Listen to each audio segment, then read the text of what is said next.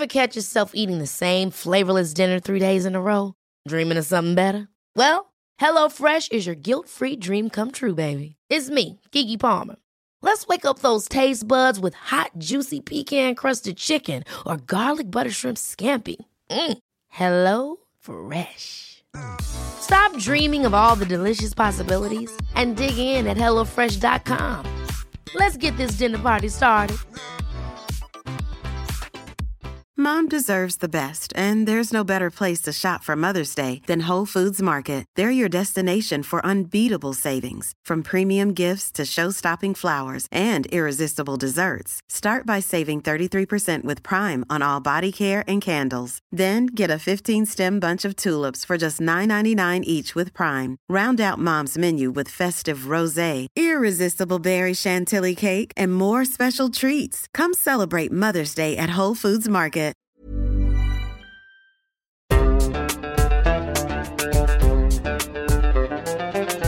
بودكاست صوت.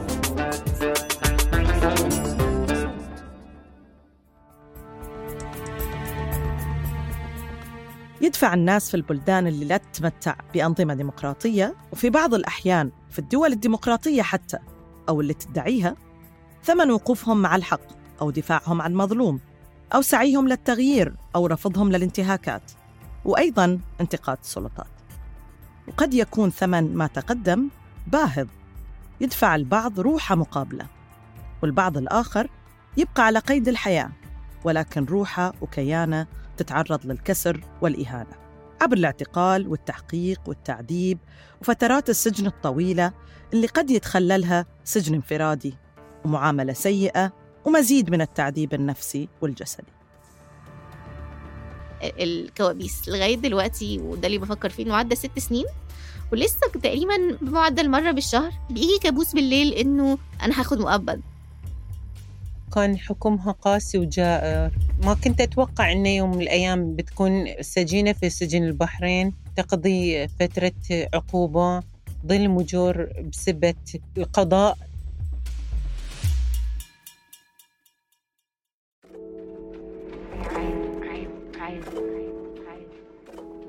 مرحبا أنا نزيهة سعيد.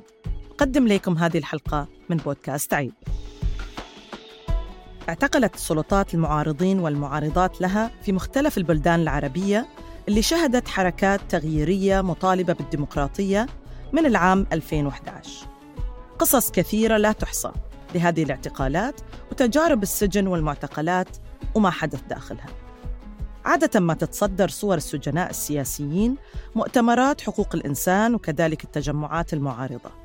ولكن قليل ما يتحدث أحد عن السجينات السياسيات. لقلة عددهم يمكن ولكن أيضاً بسبب الضغوطات الاجتماعية. فالسجين السياسي هو بطل ومضحي.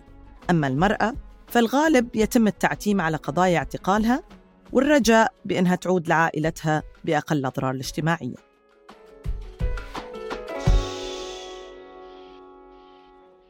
نستمع لتجارب سجينات سياسيات سابقات في كل من البحرين ومصر ونتطرق لتأثيرها النفسي والجسدي والاجتماعي والسياسي.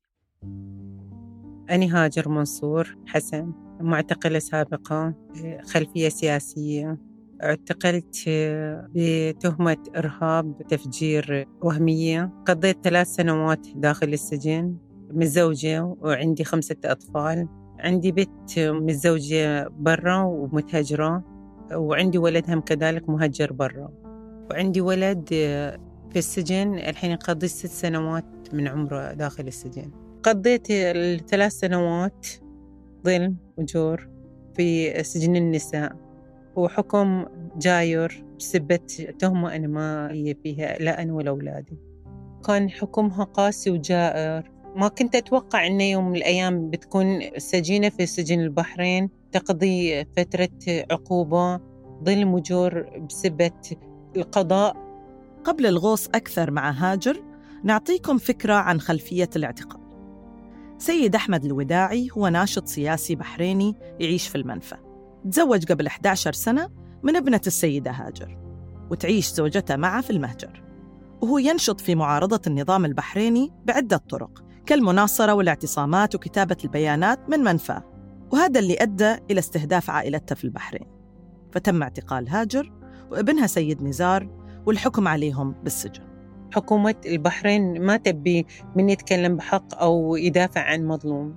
يبون يستهدفون أي عوائل عندهم نشطاء ولا حقوقيين في المجال السياسي. ولأن السيد أحمد خارج البلد وأنا موجودة عمته أم زوجته فاستهدافي أني ثاني استهداف يعني في البداية استهدفوا زوجته في المطار بسبب نشاطه السياسي.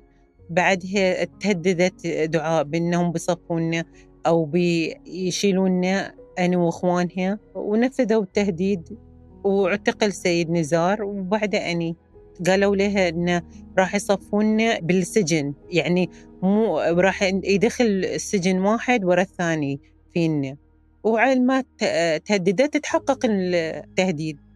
تهمة هاجر منصور هي زرع قنبلة وهمية في الشارع العام. وهي تهمة وجهت للكثير من المعارضين والمتظاهرين والمتظاهرات في البحرين. أما في سوريا مثلا فتوجه تهمة تلقي أموال من الخارج ومحاولة إثارة العصيان المسلح.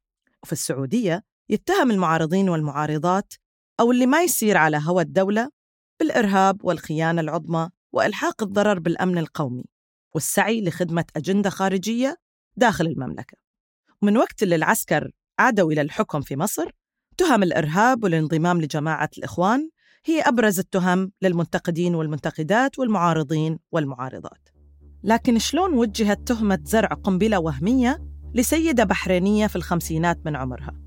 وشلون كان التحقيق؟ يحاولوا إن قد ما يقدرون إنهم يضايقوني أو إن يعني ياخذون المعلومات بطريقة إهانة مو بطريقة يعني إحنا سألناش جاوبي لا. يهينوني يعني بمعظم الوقت إهانة ضغط نفسي أكثر من الضغط يعني الجسمي فأني ما أعرف وش التهم اللي موجهينها لي. هذا يقول هذا يقول هذا يقول. أنا أبغى أركز على أساس أن أنا أجاوب. أجاوب على أي تهمة بالضبط ما أدري يعني هي حرق جياب ولا أني شاركت في مسيرات أو أني لي علاقات بالشارع.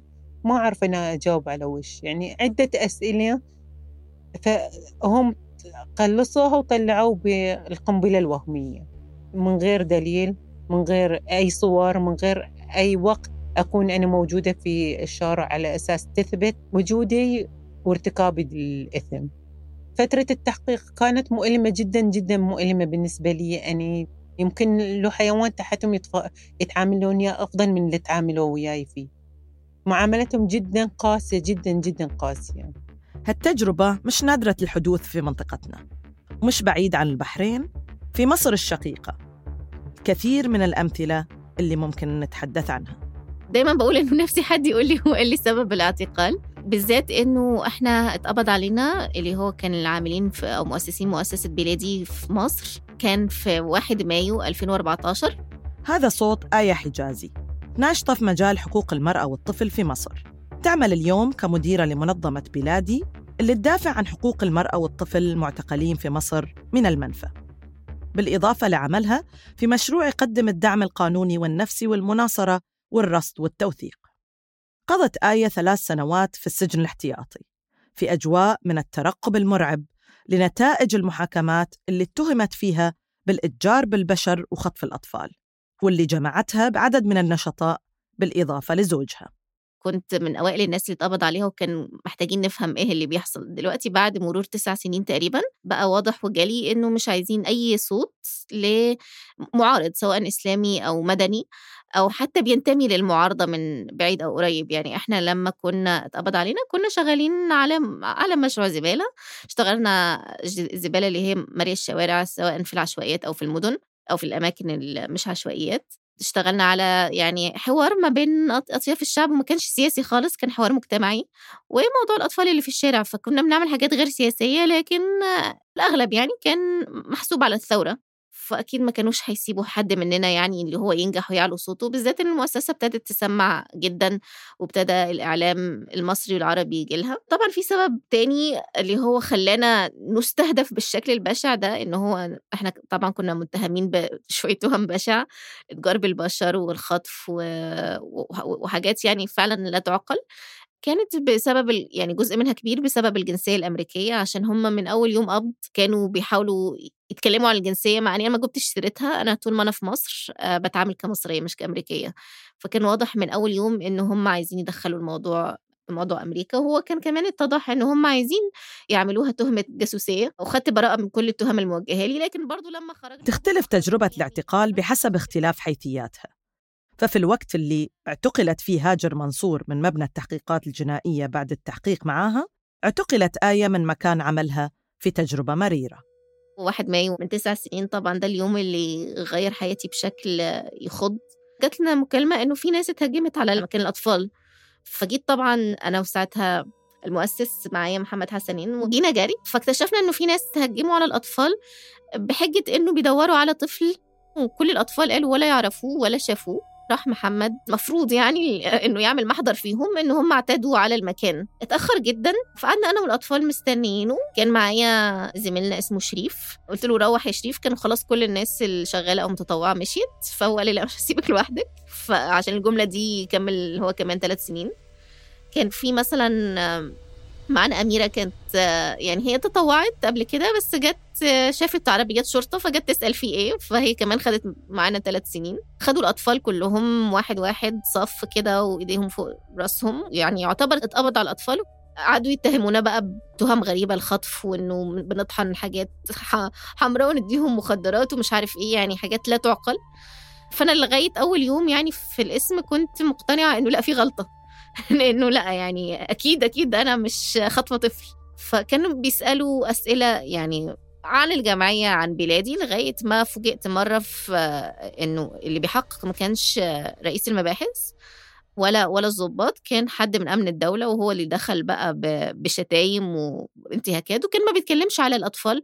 على قد ما هو بيتكلم على علاقتي بأمريكا وأمريكا إزاي بتمولني بقول له أنا إيه علاقتي في أمريكا؟ كنت في جامعة هناك يعني okay واحدة معاها الجنسية الأمريكية وأمريكية رايحة جامعة يعني إيه اللي هتكون علاقاتي؟ فقال لي الجامعة بتمولك وبتديكي فلوس عشان تاخدي العيال ويرموا حجارة على على الشرطة.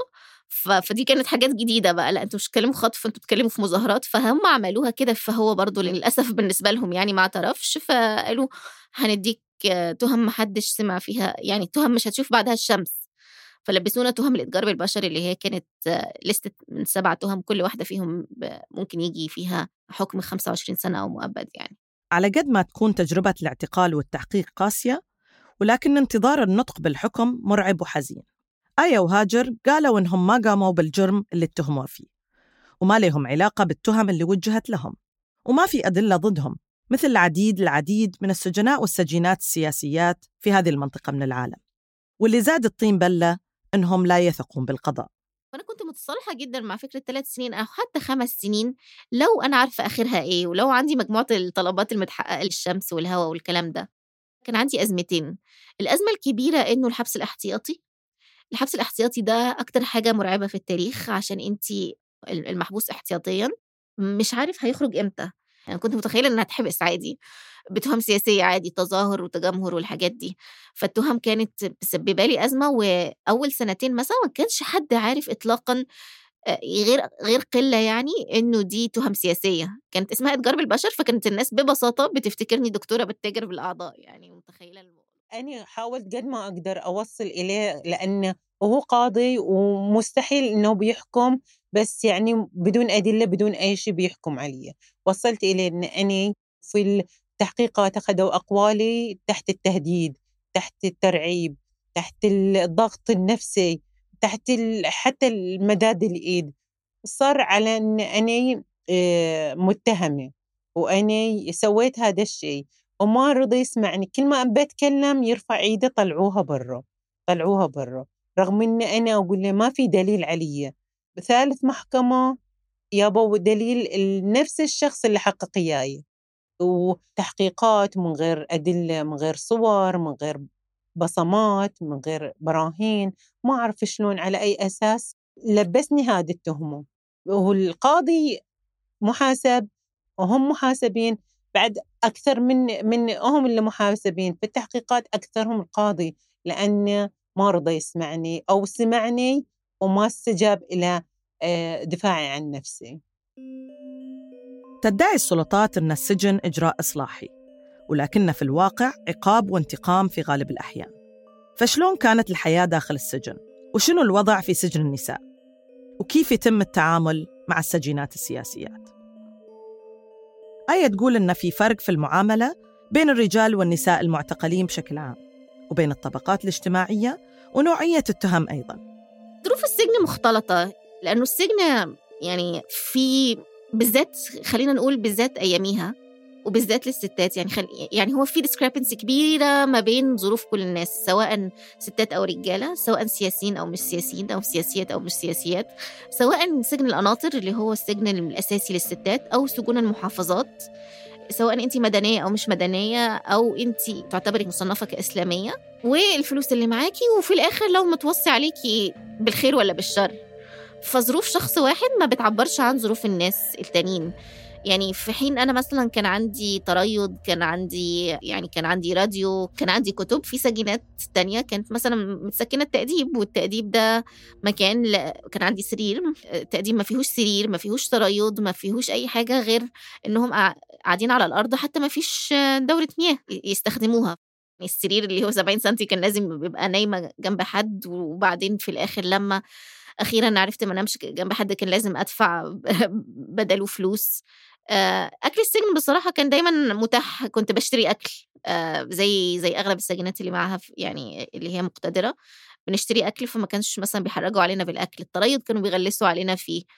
الزيارات كان كنت بزور ساعتها مثلا مرة بكل أسبوع.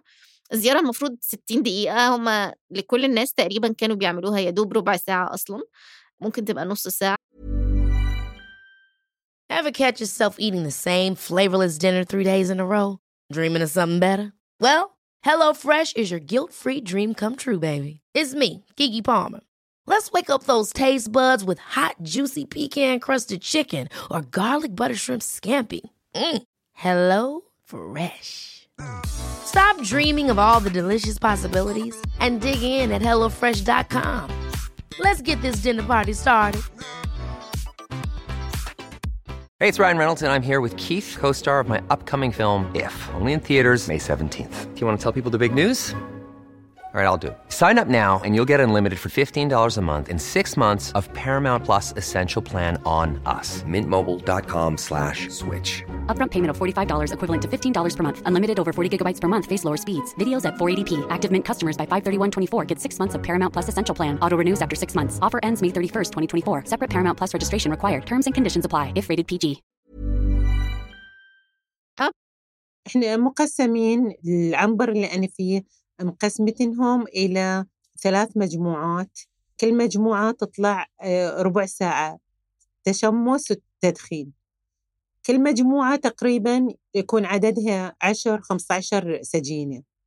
المجموعة اللي أنا فيها لا إحنا ثلاث سياسيات وثنتين جنائيات. تطلعنا تشمس ربع ساعة طلعنا حق الأكل ربع ساعة. إذا في برامج تطلعهم كامل يطلعون طول اليوم إحنا ما نطلع. إي إحنا زنزانتنا تعتبر انفرادي يعني بالمرة ما اختلطنا يا يا السياسيات البقاية يا الجنائيات. لا إحنا بروحنا ثلاثنا. في البداية ظليت أنا بفرادي بروحي داخل الزنزانة زنزانة. لون ما يتغير هذا اللون اللي أشوفه الصبح أشوفه الظهر أشوفه العصر أشوفه في الليل نفس هذا اللون نفس الروتين نفس كل شيء ما يتغير. وكنت محرومة من طلعة التشمس هي كن أني لأن إحنا ما نرضى بالظلم ما ما نرضى بالغلط. ما نستجيب إلى أوامر مديرة السجن لأن مديرة السجن أوامرها في بعض الأوقات مو شيء لازم أنا أمشي عليه. يعني مثلا إن هي تبي إن أنصاع لأوامرها بطريقة يعني أمشي وأنا مغمضة في السجن. ما أتكلم ويا الجنائيات ما طالعهم ما أتكلم ويا السياسيات ما أتقرب إليهم. آخذ وجبتي من المطبخ. بدون ما أتكلم الأكل ينياب فيه أوساخ. أسكت ما أتكلم. أشوف المبنى مال السجينات كامل. في الغلط وأنا أقدر أصححه ما أتكلم ما أقدر. أنا ما أقدر أشوف الشيء مو صحيح ما غيره ما تشوف شيء مخالف إلى طبيعتي ما أغيرها هي تبيني هي؟ عبدة تحكم السجن قوى أمنية لا يعامل فيها الجميع سواسية كما تبين من تجربة هاجر وآية وإذا كان الأمر يتعلق بالسياسة قد تكون الحالة أصعب. فالاستهداف يلاحقهم لداخل السجن. عبر منع الكتب، المنع من الرعاية الصحية، منع إحياء الشعائر الدينية، منع زيارة الأهل وغيرها من الإجراءات اللي قد تجعل الوقت أكثر صعوبة في حياة السجينة. ومثل ما قلنا سابقاً لهاجر ابن مسجون يقضي حكم بالسجن 13 سنة. قضى منها ستة حتى تاريخ إنتاج هذه الحلقة. كان متهم معاها في القضية نفسها. ومن قوانين السجن بأنه يمكن الترتيب لزيارة تجمعه مع والدته وبقية أفراد العائلة. ولكن هذا الأمر أصبح نقطة ضعف هاجر. سيد نزار وايد أقلق عليه. كانت تعاقبني وايد تعاقبني في سيد نزار. يعني أنا أنتظر اتصاله بفارغ الصبر. هي علشان تعاقبني علشان أنا أخضع لأوامرها فكانت تطلب من مدير السجن الرجال إن جو إنه ما يخلي نزار يكلمني. فأنتظر يوم يومين ثلاثة على الأسبوع ما, ما يتصل. أسبوعين الثانية خلص الأسبوع الثاني ما يتصل. هني أبتدي يعني خلاص أعصابي تفلت. فأطالب بأنه يتصل أو ما أدخل الزنزانة. فأحصل اتصال مثلا منه غصب زور أحصل اتصال. زيارات ما في. يعني كمل شهر يطوف الشهر الثاني الشهر الثالث أنا أطالب باستمرار أنبي زيارة حق ولدي أبغي زيارة ما في. في رئيس مباحث بالذات كان مستقصدني إنه عايزين نخليها يعني لغاية ما تجيب آخرها فيقعد ياخد جوابات بالشهر والشهرين. فمثلا كان في عنبر الأمهات الحاضنات بيبقى عندهم أطفال ف... فكان في يعني بيبقوا غلابة جدا ومحتاجين هدوم وحاجات زي كده. فكان في واحدة ابتديت إنه خلي أمي تشتري لها هدوم اتمنعت فبقول له طب ليه؟ بيقول لي انت تيار مدني انت انت مجتمع مدني. فطبعا مش عايزين ننشر الفكر المجتمع المدني. مثلا بيركزوا معايا جدا في التفتيش بياخدوا بالهم أنا بكلم مين الكتب بيركزوا معايا والرسائل تصادف السجناء والسجينات الكثير من المواقف المؤلمة ويمكن تمر عليهم أيام عصيبة ما يقدرون معها التأقلم أو تضعف قواهم ويستسلمون. قبل ما يجمعون طاقتهم من جديد حتى يكملون. هاجر تتحدث بحرقة عن أحد المواقف اللي واجهتها خلال شهر محرم اللي يحيي فيه الشيعة ذكرى وفاة إمامهم الثالث الحسين. مسؤولة السجن فصلتنا عن بقايا السجينات وخلتنا في غرفة بروحنا أو زنزانة بروحنا وحرمتنا عن نحن نحيي هذه الأيام. فهذا اليوم كان سابع من محرم. ناديناها على أساس إن إحنا نتكلم إياها طلعينا مثلنا مثل باقي السجينات اللي يحيون شعيرتنا. فهي قالت لا هذا مكانكم تبون حيوا ثلاثكم بالطريقة اللي تبونها. في هذا الوقت يعني حرارة إن أنت تنحرمين من التسموع من من القراية يعني بلا شعور قمنا نطق على اللوكرات على الجدران إحنا شيعة وللأبد هذه عقيدتنا. ان إحنا بهذا الصوت نجذبها علشان تجينا مرة ثانية فيتنا مرة ثانية. وقالت إذا ما سكتون بدخل لكم قوات. بعد ما سكتنا يعني تعالت أصواتنا. لدرجة إن إحنا حاولنا إن إحنا نفتح البوابة اللي هي من قضبان. حاولنا نفتحها علشان نروح إلى زنزانة ثانية في هذا الوقت هي في إيدها هفكرة وياها الشرطيات أربع أو خمس شرطيات. في هذا الوقت الباب انفتح صار بيننا وبين الشرطيات يعني شجار بالإيد. إحنا نبي نفلت من إيدهم ونروح للزنزانة الثانية نسمع. وهم لا هم حاولوا يفكروني ويضربوني أنا انضربت وتعورت ودتني المستشفى قطتني على الأرض. واحدة من شرطياتها حطت ريولها على صدري والثانية يودت إيدي اليمين والثالثة يودت إيدي اليسار والرابعة قعدت على أراي الثنتينهم حاولوا إنه يهفكروني بكل طرق على أساس إنه يودوني العزل في دي الحالة أنا انهرت خلاص تعبت قوتي كلها تعبت أربع وحدات وهي مسؤولة السجن على راسي. تعبت انهرت يعني لدرجة أني صرت مثل الخلق. يعني عادي أن أنا أنشال وانقط في زاوية من زوايا السجن. هذه ما أنساها كلش ما أنساها ما أنساها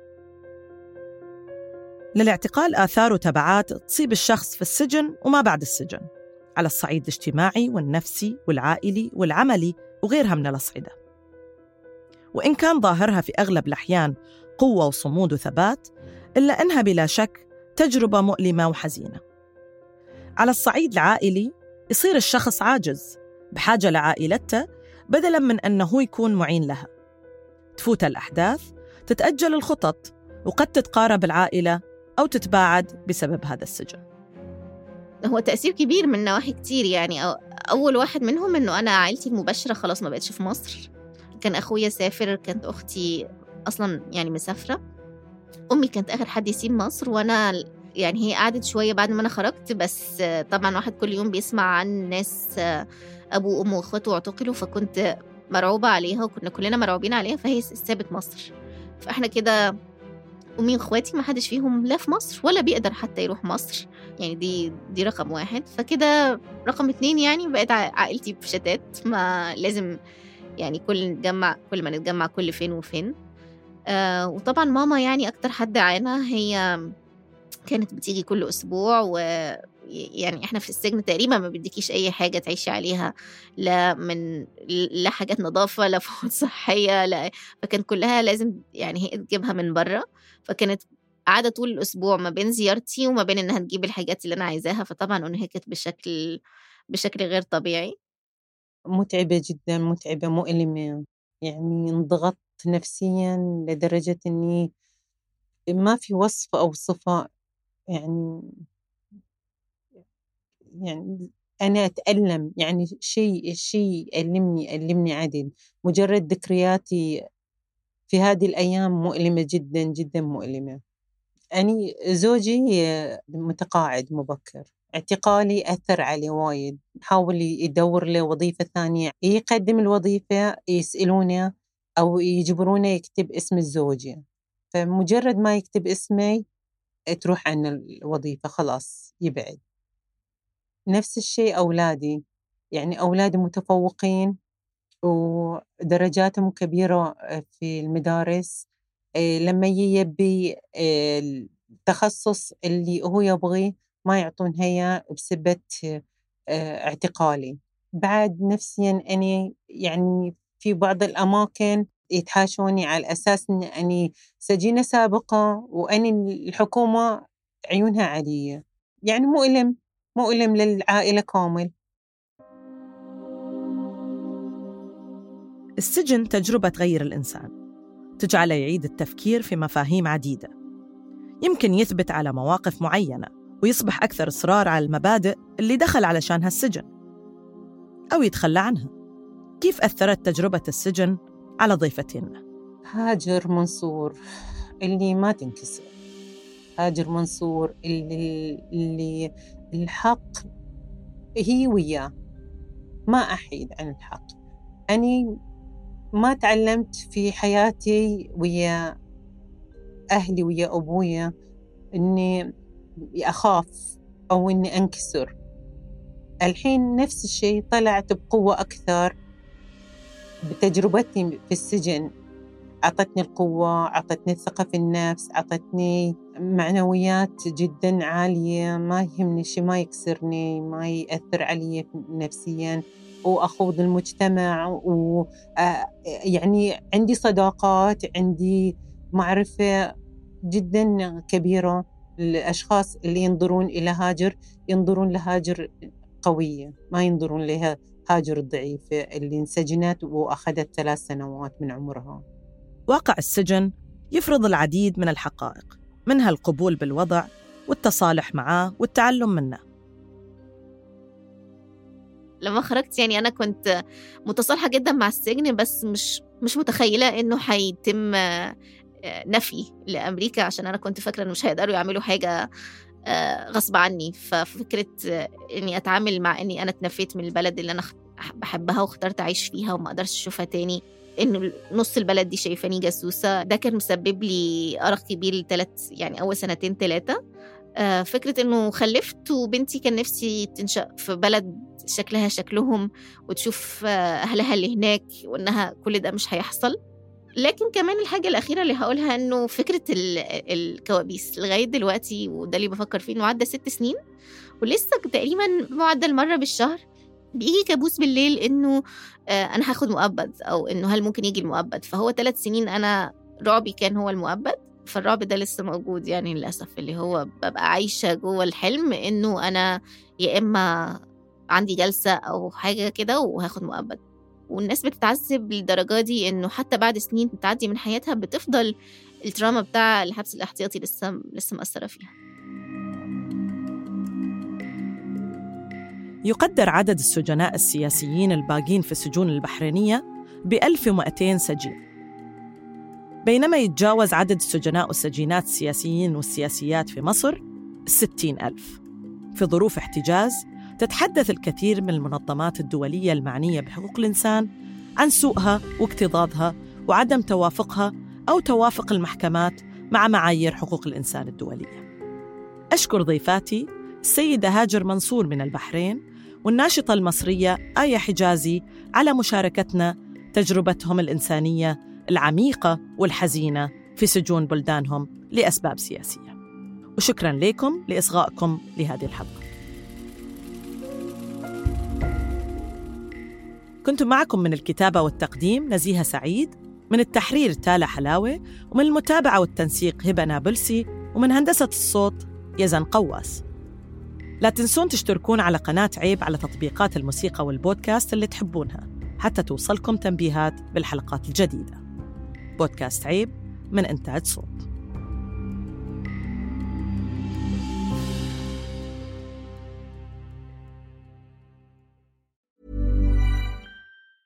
Ever catch yourself eating the same flavorless dinner three days in a row? Dreaming of something better? Well, HelloFresh is your guilt-free dream come true, baby. It's me, Kiki Palmer. Let's wake up those taste buds with hot, juicy pecan-crusted chicken or garlic butter shrimp scampi. Mm. Hello Fresh. Stop dreaming of all the delicious possibilities and dig in at HelloFresh.com. Let's get this dinner party started. Mom deserves the best, and there's no better place to shop for Mother's Day than Whole Foods Market. They're your destination for unbeatable savings, from premium gifts to show-stopping flowers and irresistible desserts. Start by saving 33% with Prime on all body care and candles. Then get a 15-stem bunch of tulips for just $9.99 each with Prime. Round out Mom's menu with festive rosé, irresistible berry chantilly cake, and more special treats. Come celebrate Mother's Day at Whole Foods Market.